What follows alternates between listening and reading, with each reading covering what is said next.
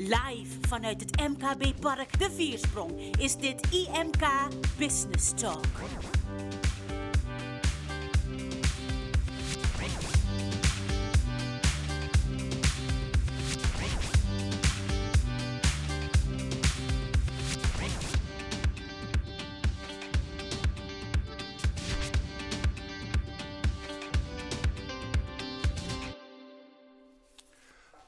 Goedemiddag en eh, welkom bij IMK Business Talk, een, uh, een livestream die we doen live vanuit het MKB-park De Viersprong in Woudenberg. Het is de bedoeling dat we de komende weken in onze livestreams verschillende facetten van het ondernemen gaan uitlichten. Dat doen we met ervaringsdeskundigen, dat doen we met uh, specialisten natuurlijk en mensen van het IMK die u op weg kunnen helpen om een betere ondernemer te worden, een efficiëntere ondernemer te worden en uiteindelijk gaan we met z'n allen voor een good company. Uh, vandaag als eerste onderwerp een heel spannend onderwerp. Uh, het CBS uh, die had uitgerekend dat in de vorige crisis van 2014 het aantal echtscheidingen enorm omhoog ging. Dat doet, met, dat doet stress met je huwelijk waarschijnlijk. En uh, we dachten, nou ja, er is weer een crisis, dus ondernemers zijn net mensen. Die scheiden ook. Laten we het vandaag over scheiden hebben. Wat gebeurt er met je onderneming als je echtscheiding ligt? Wat moet je doen? Waar moet je op letten? Als je eraan denkt bijvoorbeeld, want je hebt ook van die mannen of vrouwen die nu rondlopen en denken, hmm, nou, wat moet je doen als je scheiden, waar moet je aan denken? En ook als je heel gelukkig bent met elkaar, moet je zeker ook kijken de komende 45 minuten. Maar dan weet je in elk geval hoe je elkaar kan beschermen als het helemaal fout gaat. Want ja, zoals een wijsman ooit eens zei, alles kan kapot. Dus uh, zorg ervoor dat je goed oplet. En als je vragen hebt, kan je die stellen via de chat. Of je mag even een mailtje sturen naar talk, dat is talk.imk.nl. Je mag ook even whatsappen en het uh, WhatsApp nummer, dat komt zo meteen in beeld als ik het goed heb. Het is, het, het nummer is 088 999 4 keer 0. Ja, 088 3 keer 9 4 keer 0. Ik sprak net even met mijn lieftallige assistente, dames en heren. Die is zo knap dat u uit beeld houden, anders word ik heel erg lelijk. Uh, maar als u af en toe stemt binnen hoort komen, is dat van Nicky, die mij bijstaat bij deze uh, livestream. Mijn gasten vandaag, ik heb drie bijzondere gasten gekozen. Ik heb uh, Yvonne Blij hier, 54 jaar, niet gescheiden. Nee. Moeder van hoeveel kinderen? Twee kinderen. Van twee kinderen. Al 30 jaar ondernemer en sinds 2012 ben je MFN uh, registermediator, zeg ik het goed? Ja, dat klopt. Ja. Registermediator, ja. eerst voor zakelijke conflicten. Ja, uit je eigen ondernemen kon je, kon je die natuurlijk heel goed aan. Uh, en later scheidingen, gespecialiseerde ondernemers. Uh, ik praat ook met Han Dieperink. Han is uh, 65, maar nog lang niet pensioengerechtigd. Uh, vader van twee en al tien jaar algemeen directeur uh, van het IMK. En hij zit hier vandaag als register valuator. Wat dat precies ja. is, dat gaan we zo meteen even uitleggen okay. aan de mensen. En we hebben ook bij ons uh, Jolanda Santing, onderneemster uit het Westland. Gescheiden, ervaringsdeskundige dus, een moeder van twee. de mensen kennen haar misschien van Yvonne Lingerie. Bijna, Jolanda Lingerie. Jolanda, zeker Yvonne? Jolanda Lingerie. Nee, je werd begeleid door Yvonne. Jolanda Lingerie, ja. Het is ook mijn eerste keer, dames en heren. Ik doe dit niet vaak. Dus even rekening houden dat het soms even fout kan gaan. Maar uh, Jolanda, ja, voor wat, doet Jolanda Lingerie? Jolanda Lingerie maakt uh, lingerie op maat voor uh, met name dames na, die borstkanker gehad hebben. Maar ook zwemkleding, badkleding of ook voor de particuliere mensen die interesse hebben. Of ook ondernemers of ontwerpers die een kleinere productie geproduceerd willen hebben op basis van lingerie.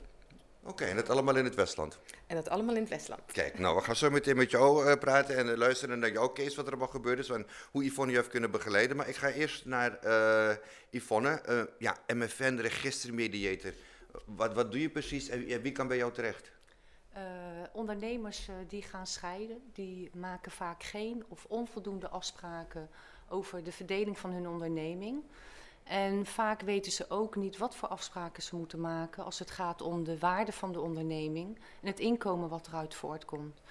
En ik geef ze de zekerheid over de waarde en de afspraken die ze kunnen maken.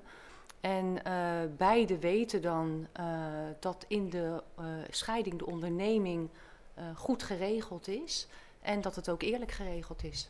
Maar word je meestal door één van de partners in dienst genomen of werk je echt voor allebei? Ja, je werkt voor allebei. Als het, in, uh, als het echt in de mediation gaat, werk je voor allebei. Maar in eerste instantie, als de ondernemer uiteraard met een vraag binnenkomt omdat hij een probleem heeft in de scheiding, bijvoorbeeld over uh, dat hij niet weet wat de waarde van zijn onderneming is, ik noem maar een voorbeeld, dan komt hij bij mij terecht. En dan zal ik eerst verder vragen in wat voor situatie hij zich eh, bevindt. En als hij al, zich al in een scheiding bevindt, kunnen we hem bijvoorbeeld persoonlijk bijstaan. Maar het is natuurlijk altijd wel de bedoeling dat als je gaat scheiden, dan zijn er twee partijen, zijn er twee mensen. En dan is het natuurlijk wel de bedoeling dat je ze samen tot een goed resultaat kunt, naar een goed resultaat kan begeleiden. Ja. Ja. En dan zijn ze meestal ook met de gerusthoud dat, dat, dat, dat, ze- dat ze dan uit elkaar gaan? Of eh, ben je er soms nog langer na de echtscheiding bezig om de twee partijen uit elkaar te houden? Eh, na de scheiding niet, maar tijdens de scheiding wel. Want mensen gaan natuurlijk niet voor niks uit elkaar. Nee, precies. Ja. Ehm, dan heb je natuurlijk ook heel vaak kinderen die erbij komen kijken. Neem je die ook mee? Ja, wij zorgen ervoor dat een ondernemersgezin goed kan scheiden. Eh, dat regelen voor beide partners. Maar natuurlijk is het ook heel erg belangrijk dat de kinderen daarin meegenomen worden. En eh, ja, je moet het eigenlijk zo zien: in een ondernemersgezin zijn twee eh, eh, dingen enorm van belang. Dus Dat raakt je ook persoonlijk. En dat zijn je kinderen. En dat is de onderneming. Want uit de onderneming komt immers het inkomen voort. Om voor de kinderen te zorgen Ja. ook. Nou, ja, dan vraag ik me af, help je al die mensen persoonlijk? Hoe, hoe gaat het in zijn werk? Ik bedoel, eh, eh, stel, mevrouw Rijmer, kijk ook, ik heb helemaal geen intenties. Maar ik denk nu van, weet je wat, het is mooi geweest. Het wordt tijd voor een, een nieuw leven. Kom ik, kom, ik dan naar, jou- kom ik dan naar jou toe? Eh, Eh, ja, je komt naar mij toe, maar ik kan, je niet, ik kan niet iedereen persoonlijk begeleiden. Er zijn in Nederland zo'n anderhalf miljoen ondernemers. En 30% van de huwelijken die stranden. En het IMK die is eigenlijk als eh, een van de weinige partijen in staat om zelfstandige ondernemers daarin goed te begeleiden. En ondernemersgezinnen, ja, dat, die scheiden niet zoals gewone gezinnen. Dat is anders. En eh, wat ik Wat doe... is er anders aan bijvoorbeeld? Kan je een paar van de dingen waar het echt anders is? Ehm, omdat, ik, ik zeg het woord al, het is een ondernemersgezin. Ja. Daar zit een andere dynamiek in. Je hebt de onder, de, eh, het is een onderdeel van het gezin. En eh, vaak is het zo dat de partner meewerkt. Mhm. En het is wel, ja, je staat op, op, op 24 uur per dag, 7 dagen per week, staat zo'n gezin eigenlijk aan. En als je gaat scheiden, dan heb je niet alleen de last van een- financiële verdeling van elkaar, maar dan wordt de onderneming daar ook nog bij betrokken. En wat ik zojuist al aangaf, dat is, een, ja, dat is eigenlijk ook een beetje je kind, de onderneming. Ja. En daar moet je ineens afspraken over gaan maken, omdat dat ja, verdeeld moet gaan worden. Eh, Han, jij bent evaluator. Eh, wat, wat doe jij precies? Evaluate denk ik van ja, dit heeft met, met, met be- waardebepaling te maken. Ja, ja een eh, ja, register valuator. Mhm. Eh, wij eh, bepalen de waarde van ondernemingen. En dat gaat wel iets verder, zoals veel mensen denken, dan het tellen van de bureaus en de stoelen en wat er nog in de kast zit of op de bank staat. En, en dat is het dan. Ehm, we kijken ook niet alleen maar naar wat er op de balans staat, want die, die zegt vaak maar een, een heel klein deel van het verhaal. Maar een momentopname, ja. Ja, dus we, we kijken naar eh, wat voor waarde zit er nou in die onderneming. En dat wordt eigenlijk in grote lijnen door twee dingen bepaald. Eén, eh, wat kan die onderneming in een normale situatie, wanneer je doorzet, eh, aan kaststromen genereren in de toekomst? Dat is waarde. Eh, en het tweede waarnaar we kijken, ja, en welke risico's zitten eraan verbonden? Want dat kan meer worden, dat kan minder worden. ehm, en, en dat zijn de twee factoren. En daar ben je als eh registervaluator in gespecialiseerd om dat te doen. En dan staat de register ervoor dat je dat ook nog als onafhankelijke partij doet. Ja. Ja. Dus ook al word je in dienst, of word je gevraagd door een ondernemer die zeg maar eh, hier lid is van het IMK, dan hou je gewoon rekening met het hele gezin en met zijn partners. Je moet daar gewoon afhankelijk naar Je kijken. bent, je, je bent onafhankelijk. Eh, dat betekent dat je een goed stuk eh, werk moet leveren volgens bepaalde methoden. En dat moet allemaal netjes kloppen. Maar je hebt natuurlijk wel een opdrachtgever. Ik bedoel, en, en op het moment dat we met eh, Yvonne bezig zijn met een cliënt. Ja, dan gaat het je om twee dingen. En dat is het, het, eigenlijk in de basis het zorgen dat de kinderen er goed uitkomen. En het zorgen dat het bedrijf er weer uitkomt. Want dat is een bron van inkomen voor de toekomst. Ehm, ja, en dan eh, uiteindelijk zijn er twee andere partijen die het ook nog met elkaar eens moeten worden. Maar dat is wel een soort randvoorwaarde in het werk wat we doen. Ja. Nou, we gaan nog heel veel dingen tegenkomen de, de komende minuten. Ehm, ik heb eh, elke week bedacht om een casus te doen, of elke twee weken als we het uitzenden om een casus te doen. Een soort van, eh, ja, bijvoorbeeld wat er zou kunnen gebeuren. En de casus van vandaag, die gaat als volgt. Ehm, het is een beetje versimpeld, want ik ben vrij simpel. Eh, maar dan we gaan het zo meteen behandelen, kunnen jullie even erover nadenken. Eh hein en Margriet die hebben samen een bedrijf. Eh, de BV staat op zijn naam, maar ze zijn beide verantwoordelijk voor de zaak. Ehm, ze krijgen een gelijkwaardig salaris uit de BV en zijn beide cruciaal voor het succes van de zaak. Ehm, hij is chefkok en zij is gastvrouw en sommelier. Ze hebben een, sterrenrestaurant. Eh, de mensen komen voor het eten, maar zeker ook voor de gastvrijheid van Margriet. Eh, de liefde is helaas voorbij. En door de crisis, het lange uh, dicht zijn van het restaurant, doen maar alle gedoe, ja, zit een, en, zeg maar, een hereniging niet echt in het verschiet. Uh, de samenwerking is ook niet meer gewenst in de toekomst. Ze hebben een mooie buffer opgebouwd inmiddels. Ze kunnen makkelijk nog een jaar het uitzingen zonder dat ze open gaan. Ehm, het pand, de inrichting behoren allemaal tot de BV. Hein vindt dat alles op zijn naam staat. Dus dat Margriet alleen maar recht heeft op een afkooprekening op basis van de acht jaar dat hun bedrijf bestaat. Margriet die wil alles verkopen en gewoon in tweeën verdelen. De vraag is, wat is jullie advies en hoe ga je zo een waardering aan? Dat antwoord, dat hoort u zometeen van ons. Uh, voordat we dat gaan doen, gaan we even naar het verhaal van Jolanda. En Jolanda, wat we dan hebben, we hele coole bumpers. Dan zetten we even een muziekje laten horen voor vijf seconden en dan gaan we poep naar jouw verhaal. Bumper.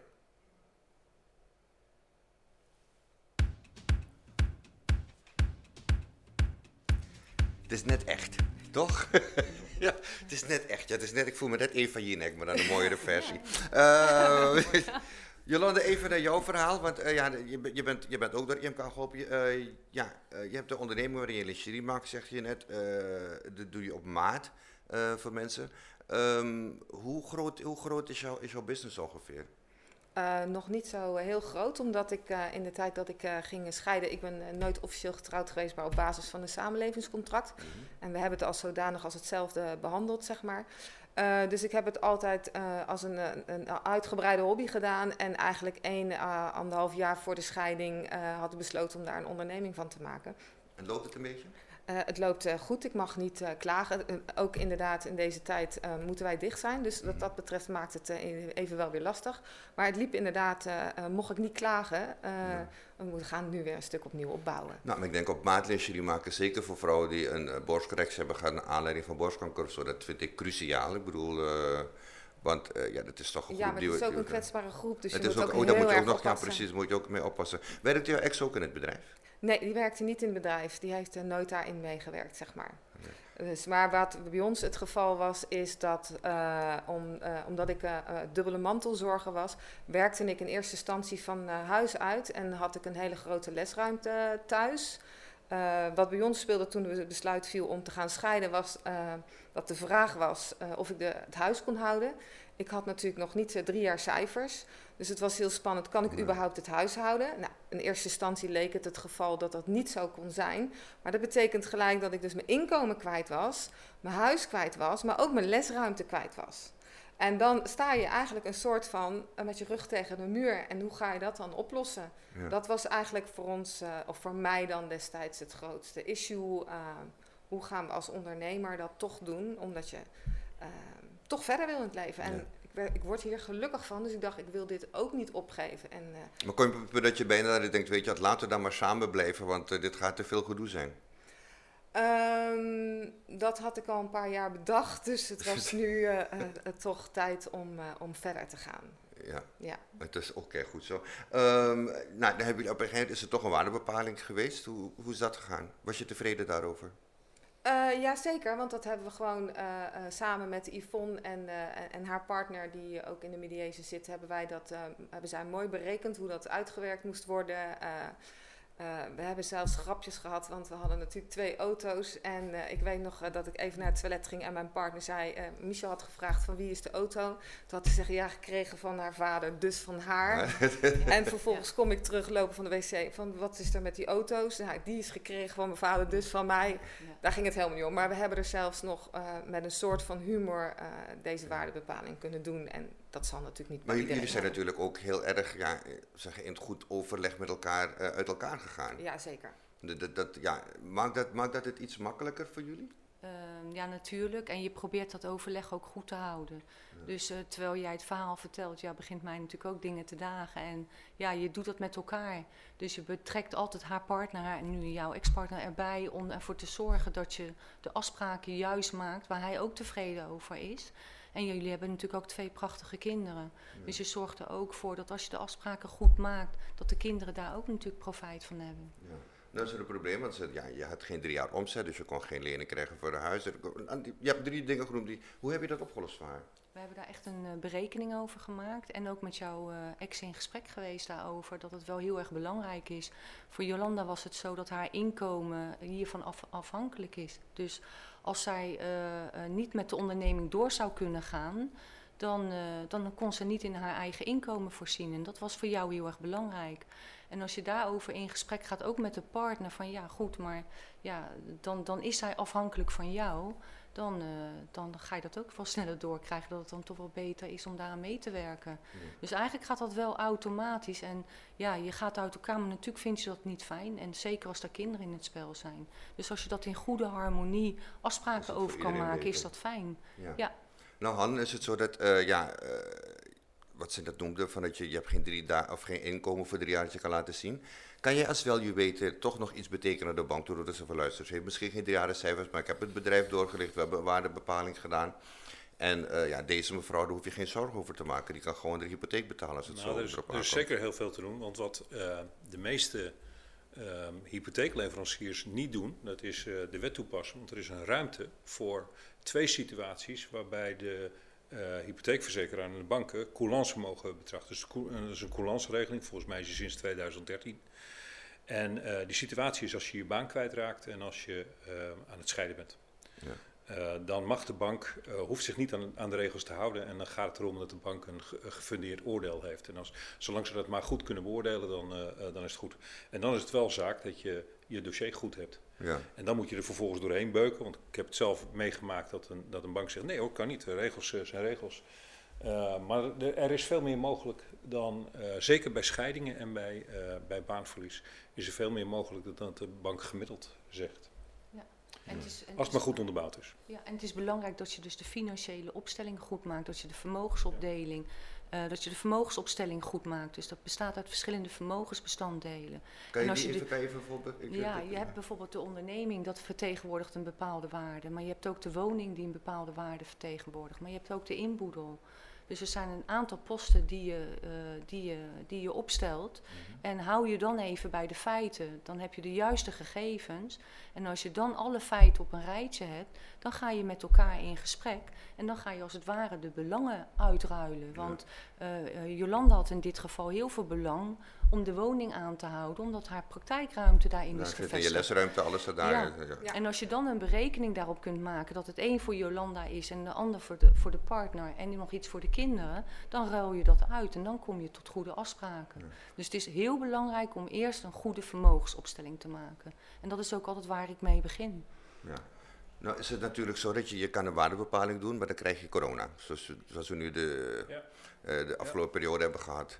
Ja, kan je daar dan nog gaan beroepen op, op overmacht? Dat je zegt van ja luister, dit was de waardebepaling, maar nu kan ik eh, niets meer... eh, ik bedoel, mijn bedrijf is al zes maanden dicht, dus ja, wat er allemaal gevraagd is voor de boedelscheiding, dat gaat mij niet lukken. Nee, dat, dat, dat kan wel. Je moet dan wel met een goed verhaal komen. Ehm, overigens, we kijken voor de waarde naar de toekomst. Ja. Dus, ehm, dus het, het, het stuk corona, hè, je moet een aanname maken wanneer is het weer naar het normale. En vanaf dat moment hoop je weer dat je eigenlijk gewoon die waarde kunt, kunt maken. Maar je hebt natuurlijk nu wel een deuk. Ik bedoel, eh, ja, je, je eigen vermogen wordt uitgehold en eh, dat moet er gewoon af. Ja. Dat, eh, daar heb je een goed, goed verhaal voor. Hoe lang geleden is die scheiding nu geweest? Eh, vier jaar nu. En hoe staat je bedrijf nu ervoor? Nou, ik vind het dit jaar niet zo eh, reëel natuurlijk. Want nee, dit zou ik ook niet zeggen. Maar Dus je het gewoon, stond er goed voor. En nu vanaf maart sta ik eigenlijk ongeveer stil. En heb ik toch wel 70% omzetverlies. Dus Ja. moet je dat toch... eh, ja, ik behoor tot de groep waar wij niet zoveel mogen. Dus dat is heel lastig. Ja. Dus ik vind, als je het op basis van daarvan vraagt, kan ik nu geen antwoord geven. Moest je alimentatie afstaan aan je eh, nee, het was zelfs zo dat, eh, dat hij moest... We moesten geloof ik 30 euro k- zou ik aan alimentatie ontvangen. En we hebben daarvan gezegd, dat hoef ik niet. En als de jongens een keer een fiets nodig hadden, dan betaalde hij een keer de fiets extra of zo. Dat is... Wij zitten gewoon op zo'n danige goede voet. Wij lopen een paar keer per week bij elkaar binnen. Dus wij hebben dit soort discussies niet allemaal niet. Zo kan het ook dus. Dat zo kan Ja. het ook, ja. Ja, nee, dat kan me Nou voorstellen. ja, ik vind dat je respect moet tonen. Je, het is de vader van je kinderen. En ongeacht eh, wat er gebeurd is of niet, maar je bent ooit verliefd geworden. Je hebt ooit die twee kinderen gemaakt. En ik vind ehm, dat als je je ex-partner, of nou man of vrouw is, ehm, afknabbelt, of hoe je het ook noemen wilt, afkat, dan ehm, toon je ook geen respect naar je kinderen toe voor je partner. Precies. We gaan zo meteen naar onze man in Den Haag. Eh, we praten met Hans Biesheuvel van eh, ONL. Eh, Hans is de man die vaak de lobby's doet of de lobby doet voor ondernemers in Den Haag. En ja, de regering is vandaag gevallen. Nou gevallen, ze zijn zelf gaan liggen. En eh, ja, wat betekent het voor u als ondernemer? Eh, er zijn natuurlijk, er is een verlenging van de lockdown aangekondigd. Daar zouden nieuwe voorwaarden voor gecreëerd worden. Er zouden nieuwe regelingen komen. Wat kunnen ze nu nog wel voor u betekenen? Dat gaan we zo meteen allemaal aan Hans vragen. We gaan eerst even kijken hoe het zit met onze casus.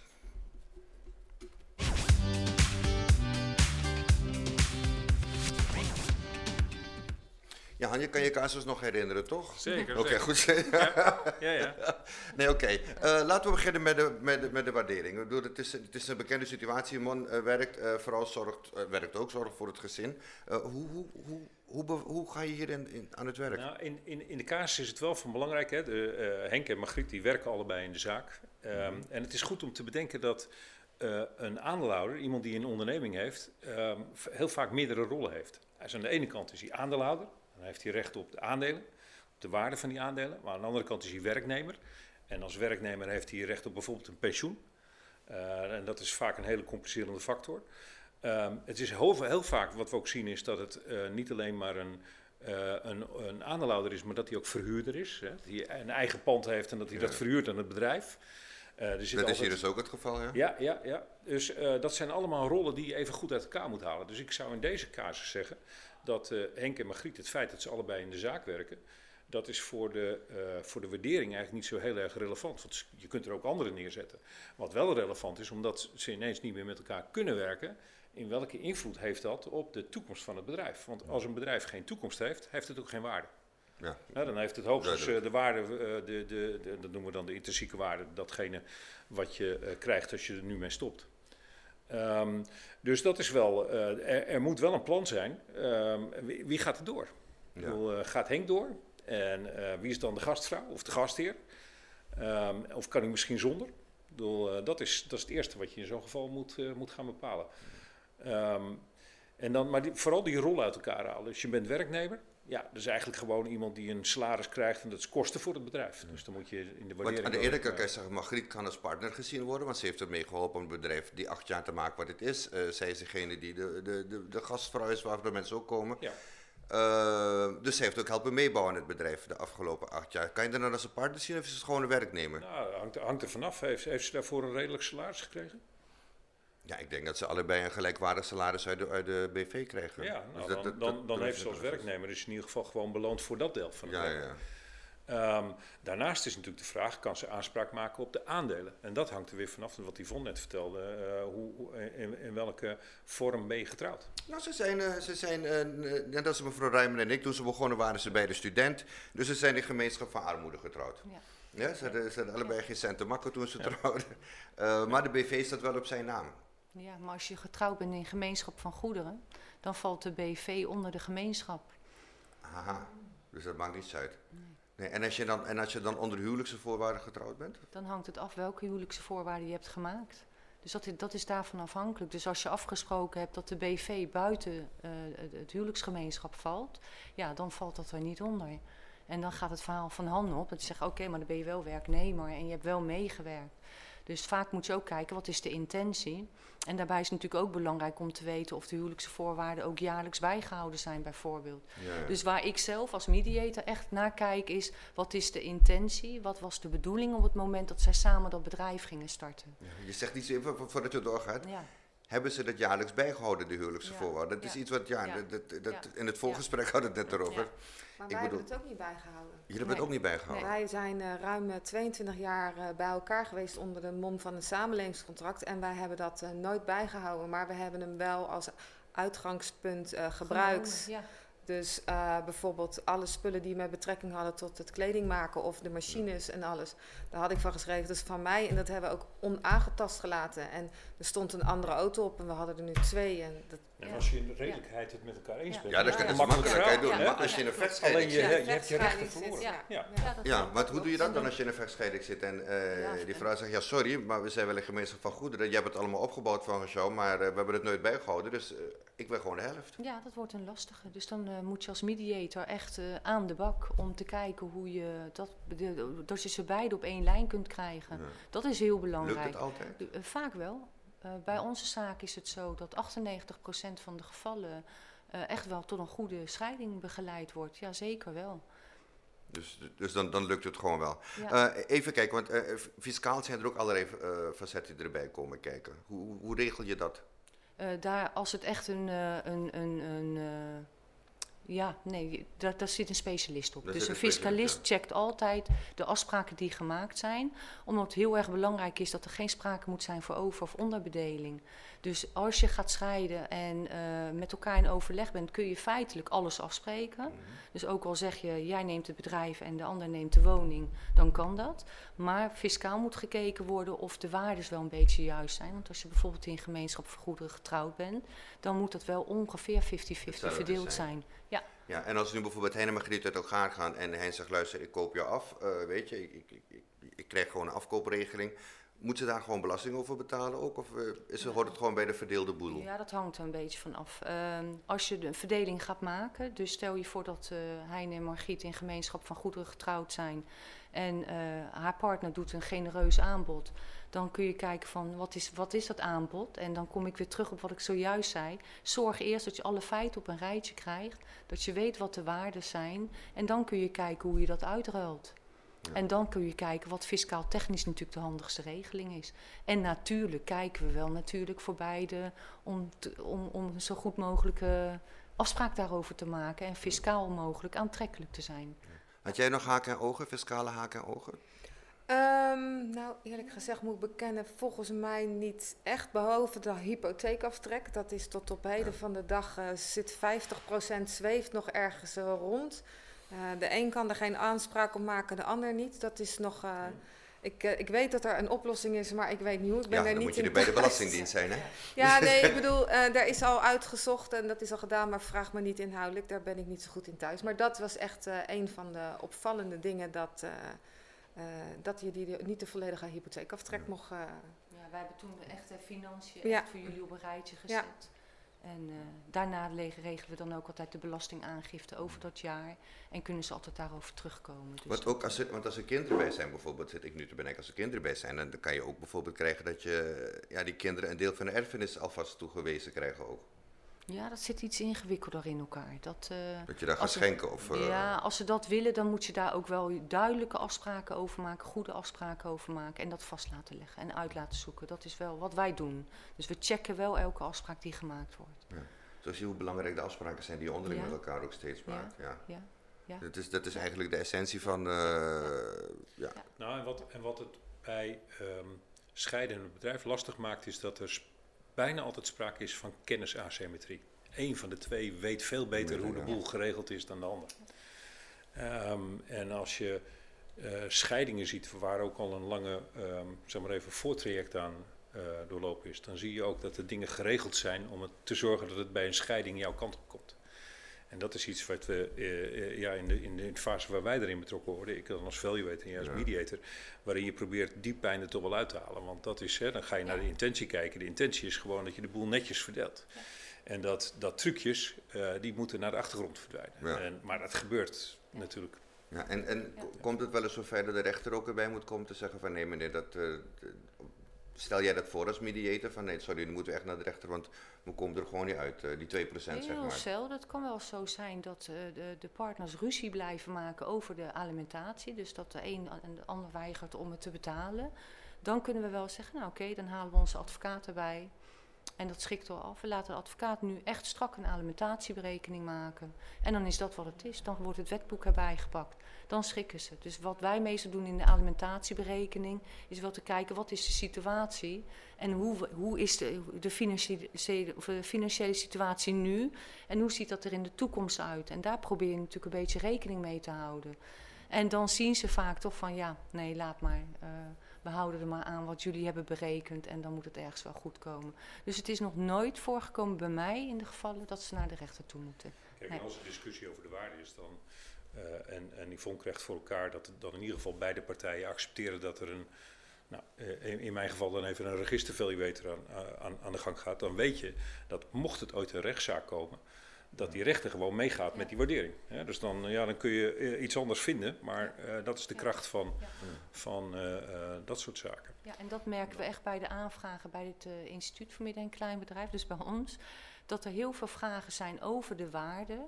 En dat maakt het dat het nu een mooie wisselwerking is, omdat ik dat al direct kan uitsluiten. Dus dat werkt heel snel en effectief. Dus ik kan al vaak wel aangeven wat de intentie is. En daar gaan deze jongens mee aan de slag. Dat krijg ik weer terug en dan ga ik over in gesprek. En dan hebben we gewoon een eh, perfecte deal. Dus dat werkt heel fijn. Ik, ik, iets komt me even schiet met te binnen. Als je nu als partners een VOF hebt, eh, met z'n tweeën eh, in, in een bedrijf, worden dat gewoon door tweeën gesplitst en worden er twee BV's? En wie, wie krijgt uiteindelijk de toezegging? Wordt dat dan, ja, laten we zeggen, mevrouw en ik zijn bij de banketbakker, Ja. om wat te noemen. En we kunnen allebei even goed bakken. Eh, we hebben allebei ons, ons eigen familierecept hebben we erin gebracht, eh, die hebben we ook samen ge- gevoegd. En nu gaan we scheiden. Ja. Ehm, hoe doe je dat als je een VOF hebt? Ehm, wordt het bedrijf dan opgesplitst in tweeën? Of, Ja, eh, dat, dat, dat hangt ervan af wat jullie zelf willen. Kijk, een, een vennootschap onder firma is inderdaad zo dat als het 50-50 is, dan hebben jullie allebei evenveel rechten, net zoals de gemeenschap van goederen. Ja, en dan eh, is het belangrijk dat je goed doorvraagt wat voor beide belangrijk is, hoe zij de toekomst zien. En als jij dan weet van ja, oké, deze kant willen jullie beiden op, ja, dan moet je daar heldere afspraken over maken. En dat lukt wel hoor, alleen geef beide de kans om aan te geven wat ze graag willen. juist. Dit is een typische situatie waarbij je gewoon tot een bepaald moment afrekent met elkaar. En daarna is het vormvrij hoe je weer doorgaat. Dus als dat in twee BV's is of, eh, of, of één gaat door, dat, eh, ja, dan Ja. kun je alle kanten mee op. Ja. Ja. Ja, dat klopt. Nou, eh, ik ga even nu naar Den Haag. Ik hoop dat hij al klaar zit. we, eh, elke twee keer gaan we ook naar onze man in Den Haag. En dat is Hans Biesheuvel van Ondernemend Nederland, ONL. En eh, Hans, eh, ik hoop dat je er bent. Goedemiddag. Ja, dag Jurgen, goedemiddag. Goedemiddag. Hans, eh, ja, het is vandaag toch een, een beetje een rare dag. We zagen het allemaal aankomen dat de regering zou aftreden. Het is nu toch gebeurd. Wat, wat voor implicaties heeft dit voor Ondernemend Nederland? Nou ja, we zagen het inderdaad aankomen de afgelopen dagen. We voelden het allemaal aankomen. En ehm, ja, kijk, aan de ene kant zegt premier Rutte natuurlijk, ja, we gaan gewoon door. We zijn missionair als het gaat om de coronabestrijding. Ehm, maar ik ben er eerlijk gezegd toch niet zo blij mee dat het kabinet nu terugtreedt. We hebben een, een, een krachtige, eh, sorry, crisisbestrijding nodig. Eh, we hebben een goede exit-strategie uit de, de, lockdown nodig. En natuurlijk een heel effectief vaccinatieprogramma. En dat vraagt alles van het kabinet, alles van de regering. Ehm, dus ja, en ik vind dat er nu toch heel veel afleiding is met allerlei politieke complicaties. Maar goed, het is nu wat het is. Ik had gisteren nog de gelegenheid om met premier Rutte persoonlijk te spreken in torentje. Ik was bij hem op bezoek. En we hadden een gesprek met een aantal ondernemers online over de problemen die er bij ondernemers spelen. En hij heeft me toen ook persoonlijk verzekerd dat, eh, dat hij vol de teugels in handen houdt als het gaat om de crisisbestrijding, ook de komende maanden. Uh, en dat lijkt me ook ongelooflijk belangrijk. En ik roep ook het, de, de, Tweede Kamer en de ministeries op. Steun het kabinet hier uh, bij volop. Want die crisis moeten we echt onder krijgen. Ja, wat je vaak hoort is dat als een, kabinet demissionair is, dat uh, vaak bewindslieden eigenlijk geen sjoegen meer krijgen van uh, de mensen op de, van de, af de ministeries waarvoor ze werken. Want die denken, ja, je hebt voorlopig toch geen beslissingsbevoegdheid meer. Als we dan kijken naar alle nieuwe regelingen die erbij moeten komen, voor bijvoorbeeld het verlengen van de lockdown, uh, de regels voor ondernemers, de nieuwe regelingen die worden getroffen. In hoeverre kan dat ja, beperkend zijn nu voor de regering? Of hoe, in hoeverre kan het nadelig zijn voor ondernemers vooral? Nou ja, kijk, wat ik wil is dat vooral de aandacht blijft hè, bij de onderwerpen die nu belangrijk zijn. Het is nogmaals crisis bestrijden, vaccineren en zorgen dat er een goed steunprogramma komt. En dat moet echt volgende week zijn beslag krijgen. Nou, de afgelopen dagen is er volop gepraat over dat steunpakket. Hebben we ook concrete voorstellen voor aangereikt. Ik ga ervan uit dat volgende week dat steunpakket er ligt. Uh, en we zullen uiteraard er vol op blijven zitten. Dat het kabinet inderdaad als het ware missionair blijft als het gaat om die crisisbestrijding en het vaccineren. Uh, maar goed, je loopt er toch het risico dat nu een aantal mensen, ook in het kabinet, hè, denk aan Wopke Hoekstra, denk aan Sigrid Kaag, maar denk ook aan Mark Rutte zelf, zich toch meer als lijsttrekker zullen gaan gedragen en minder als uh, nou ja, verantwoordelijk bewindspersoon.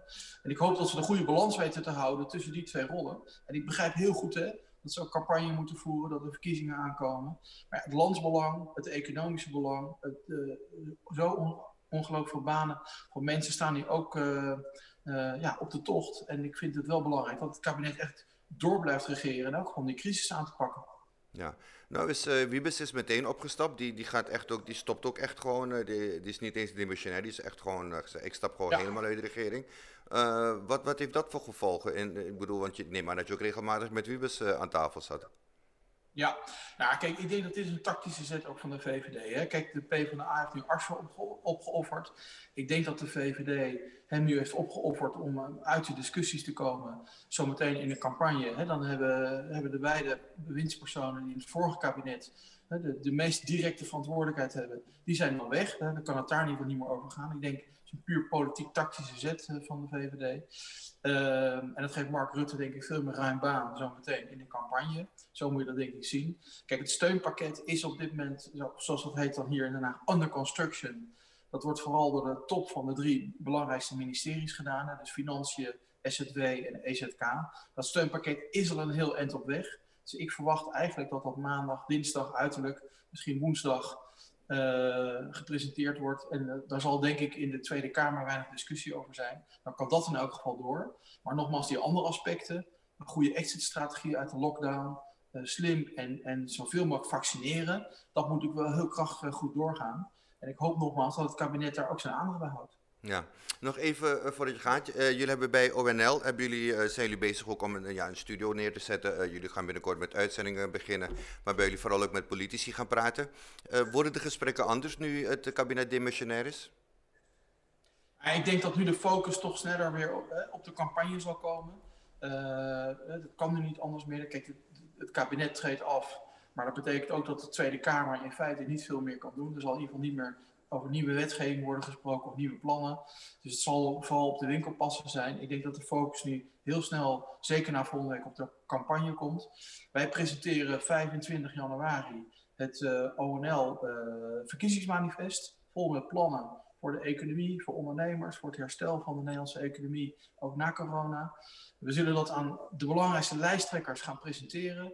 Uh, premier Rutte, uh, minister Hoekstra, Sigrid Kaag, noem maar op. Ook een aantal nieuwe partijen. En we gaan met al die lijsttrekkers in gesprek hier in het ondernemershuis. Over de plannen die wij hebben, over de ideeën die we hebben, over de, nou, zeg maar straks na de verkiezingen.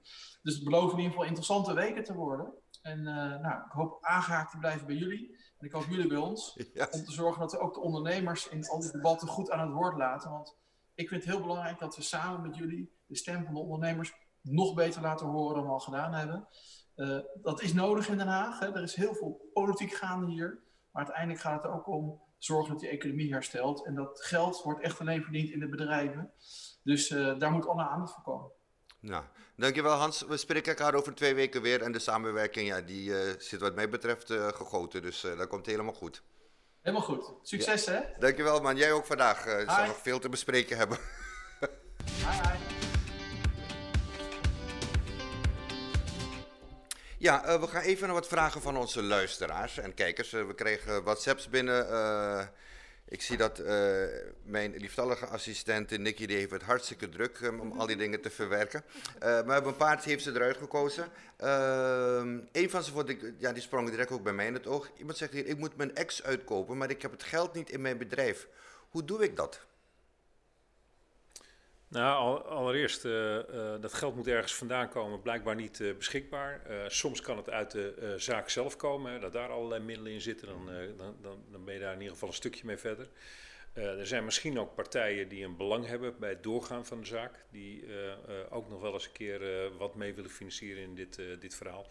Ja, en anders zul je op zoek moeten gaan naar of nieuwe aandeelhouders of externe financiers. En voor externe financiers moet je een goede business case hebben. Ja. Ehm, maar de bank zit niet te wachten dat je zegt van luister, ik moet, uh, ik moet mijn vent afkopen, dus uh, ik heb, als, ik heb uh, 50 mil nodig. Ja, maar als, als, als het bedrijf gewoon uh, goed is, goed rendabel, dus er ligt een goede business case onder, dan zal een bank dat beoordelen als een normale kredietaanvraag. Ja. en dat kun je ook richting, tegenwoordig, vroeger moest je alleen maar naar de bank en dan was het gelijk klaar. En tegenwoordig is er een hele scala van alternatieve financiering. Dus uh, ja, daar zitten veel partijen bij die, uh, die, die daar wel stappen in willen maken.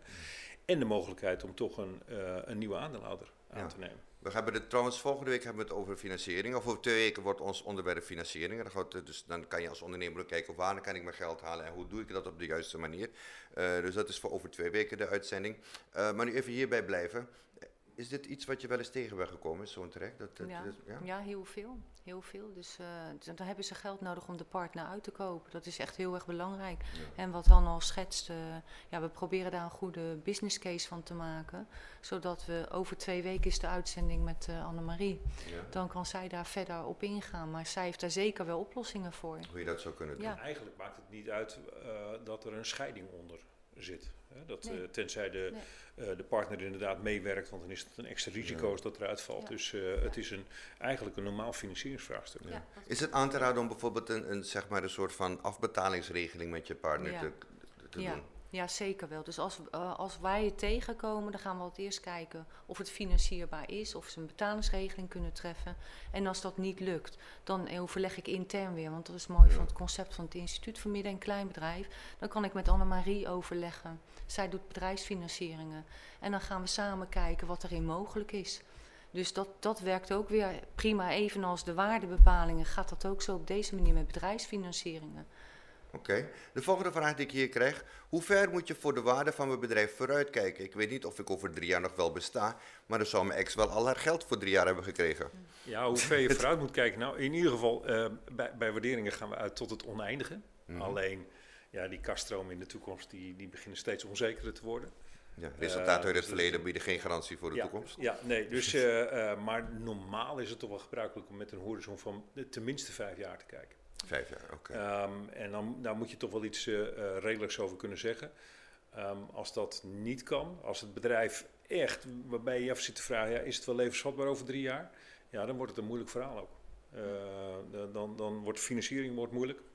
Dus er moet wel echt een goed verhaal zijn waarom dit bedrijf in de toekomst die kaststromen blijft genereren. Ja. Hoe lang is jouw bedrijf gewaardeerd? Weet je dat nog? Nee, dat weet ik niet. Dat weet je nee, niet. Nee. Oké. Nou, kijk, heel vaak, want er, er- er wordt natuurlijk heel veel over bedrijfswaardering gesproken. Eh, eh, in de kroeg gaat het meestal van eh, vijf keer EBITDA. ja, dus dat, eh, dan eh, nog een biertje erbij en dan, eh, nou... eh, Ja, in de kroeg kom je de, de beroepsvirologen en de financiële precies, experts precies. tegen. Nou, aan dat soort waarderingen heb je helemaal niks. Eh, mensen die één keer naar je eh, jaarrekening, naar je balans kijken en dan zeggen, nou, dit, dit, eh, wat er onderaan de streep staat, moet je gewoon vier keer vijf doen, heb je ook helemaal niks aan. Dus je moet je wel echt even verdiepen in het bedrijf. En dat betekent niet dat je gelijk van die hele dikke rapporten hebt. En, maar het gaat erom, hoe, hoe ontwikkelt zich bedrijf- dit bedrijf zich? Welke kosten heb je? Wat zijn reële kosten? Wat we heel vaak zien bijvoorbeeld, is dat bij, ehm, eh, bij, bij mensen die ook, DGA's, dat ze zichzelf eigenlijk maar een heel laag salaris uitkeren. Ehm, en dan lijkt het of het bedrijf veel winst maakt. Nee, maar dat is alleen maar dankzij het feit dat die DGA er nauwelijks iets ja. uithaalt. Dus dat moet je wel allemaal een beetje normaliseren. Want een bedrijf, bij een bedrijf moet je ervan uit kunnen gaan dat, eh, dat, dat je die plekken moet kunnen vervangen door een ander. Ja. En hoe zit het bijvoorbeeld met de rekening courant eh, in zo'n bedrijf? Ja, die is heel gevaarlijk. Kijk, er zijn een aantal dingen waar je bij een echtscheiding extra alert op bent. Eh, dat gaat om pensioenreserveringen. Die zijn Oh ja. altijd gevaarlijk. Hè? Dat is, meestal is de, als, als er daar iets fout zit, is dat een teken dat iemand blijkbaar al een jaartje van tevoren wist dat hij ging scheiden. Even, eh, Ah, oké. en, en rekening courant is er ook zo een. Dus een eh, eh, rekening courant moet je goed afvragen waar komt die rekening courant vandaan, wanneer is die ineens naar boven gehaald. Eh, dus eh, is dat nou inkomen of is dat eh, vermogen die eh, eigenlijk eh, gewoon eigendom van de onderneming is?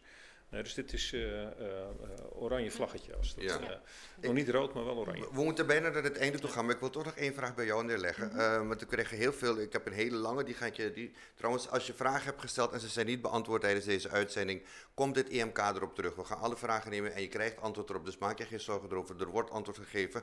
Want er zijn ook heel wat vragen die binnenkomen die niet topic gerelateerd zijn, maar ja, dat zijn ondernemers die kijken vooral even van wat gebeurt er met mij nu op dit moment. We gaan op alle vragen antwoord geven, dat beloven we jullie. Dus eh, zo goed mogelijk en zo snel mogelijk. Dus eh, blijf gewoon je vragen stellen. Maar één ding wat ik vaak hoor van, ja, maar wat doe ik nu als mijn mediator eh, geen verstand heeft van ondernemingen? Want dat zie je ook wel eens gebeuren. Ja, heel veel. Of Ja. als mijn mediator partijdig is. Ehm, Want jij, ja, bent, jij, jij bent een registermediator, maar je hebt ook mensen die zichzelf eh, mediator noemen, een speltje opplakken. ja, Zoals de beveiligers een veetje zetten Ja, en denken dat, dat ze klopt. beveiliger Ja. zijn. Ja, de kwaliteits, ik ben ingeschreven in het kwaliteitsregister inderdaad. Eh, om antwoord te geven op je vraag. Wil je hem nog één keer herhalen? Want Nou, van ja, als, als, als, als je het idee hebt dat een mediator onpartij, of partijdig is, of dat hij niet het verstand heeft, Ja, dat zijn Eh, twee dingen. twee dus dingen. vandaar Laat eerst beginnen. Hij heeft geen verstand dus van- van als je er geen verstand van hebt, en dat gebeurt heel veel. Ik had het al aangegeven dat ondernemersgezinnen scheiden anders dan gewone gezinnen. Eh, veel mediators hebben daar geen kennis van en ook veel adviseurs niet. Dus eh, ja, eh, het is echt te adviseren om mediators te raadplegen die verstand hebben van ondernemers. Ja. Dat is één, eh, omdat er een hele andere financiële berekening in zit. En als het gaat om de neutraliteit, ja, je, de, dat, dat, dat moet je hebben. Als je registermediator bent, ben je neutraal. En als ik de ondernemers in eerste instantie gesproken heb, kan ik de mediation al niet meer doen. En dat, dat zeg ik ook. Dus Dan je geef ik echt aan. ja. Ja, dus ik ben echt sterk in het regisseren van het traject. Daar maak ik me ook hard voor. Ik zet het traject uit. En dan weet ik van oké, nu heb je deze mediator nodig, deze berekening, deze eh, business evaluator of de register evaluator. En zo zet ik de trajecten uit. Maar het is, eh, het is gecompliceerd. Eh, maar als je alles op een rijtje zet, dan kun je de scheiding goed begeleiden.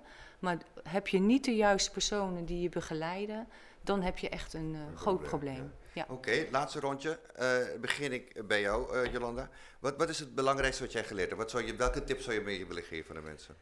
Nou, zorg of je nou man of vrouw bent, zorg gewoon dat, er, dat je financieel onafhankelijk blijft. Ehm, als ik van tevoren geweten had, zo langer dat ik zou gaan scheiden, had ik gewoon gezorgd dat er een berg geld achter me stond. Of had ik het al met, met het huis al gerekend. Of ik was eerder buiten de deur gegaan met mijn pand. Had ik, eh, eh, dat, dat soort zaken, die had ik dan eh, eerder geregeld. Pensioenreservering, dat liep bij ons ook allemaal anders.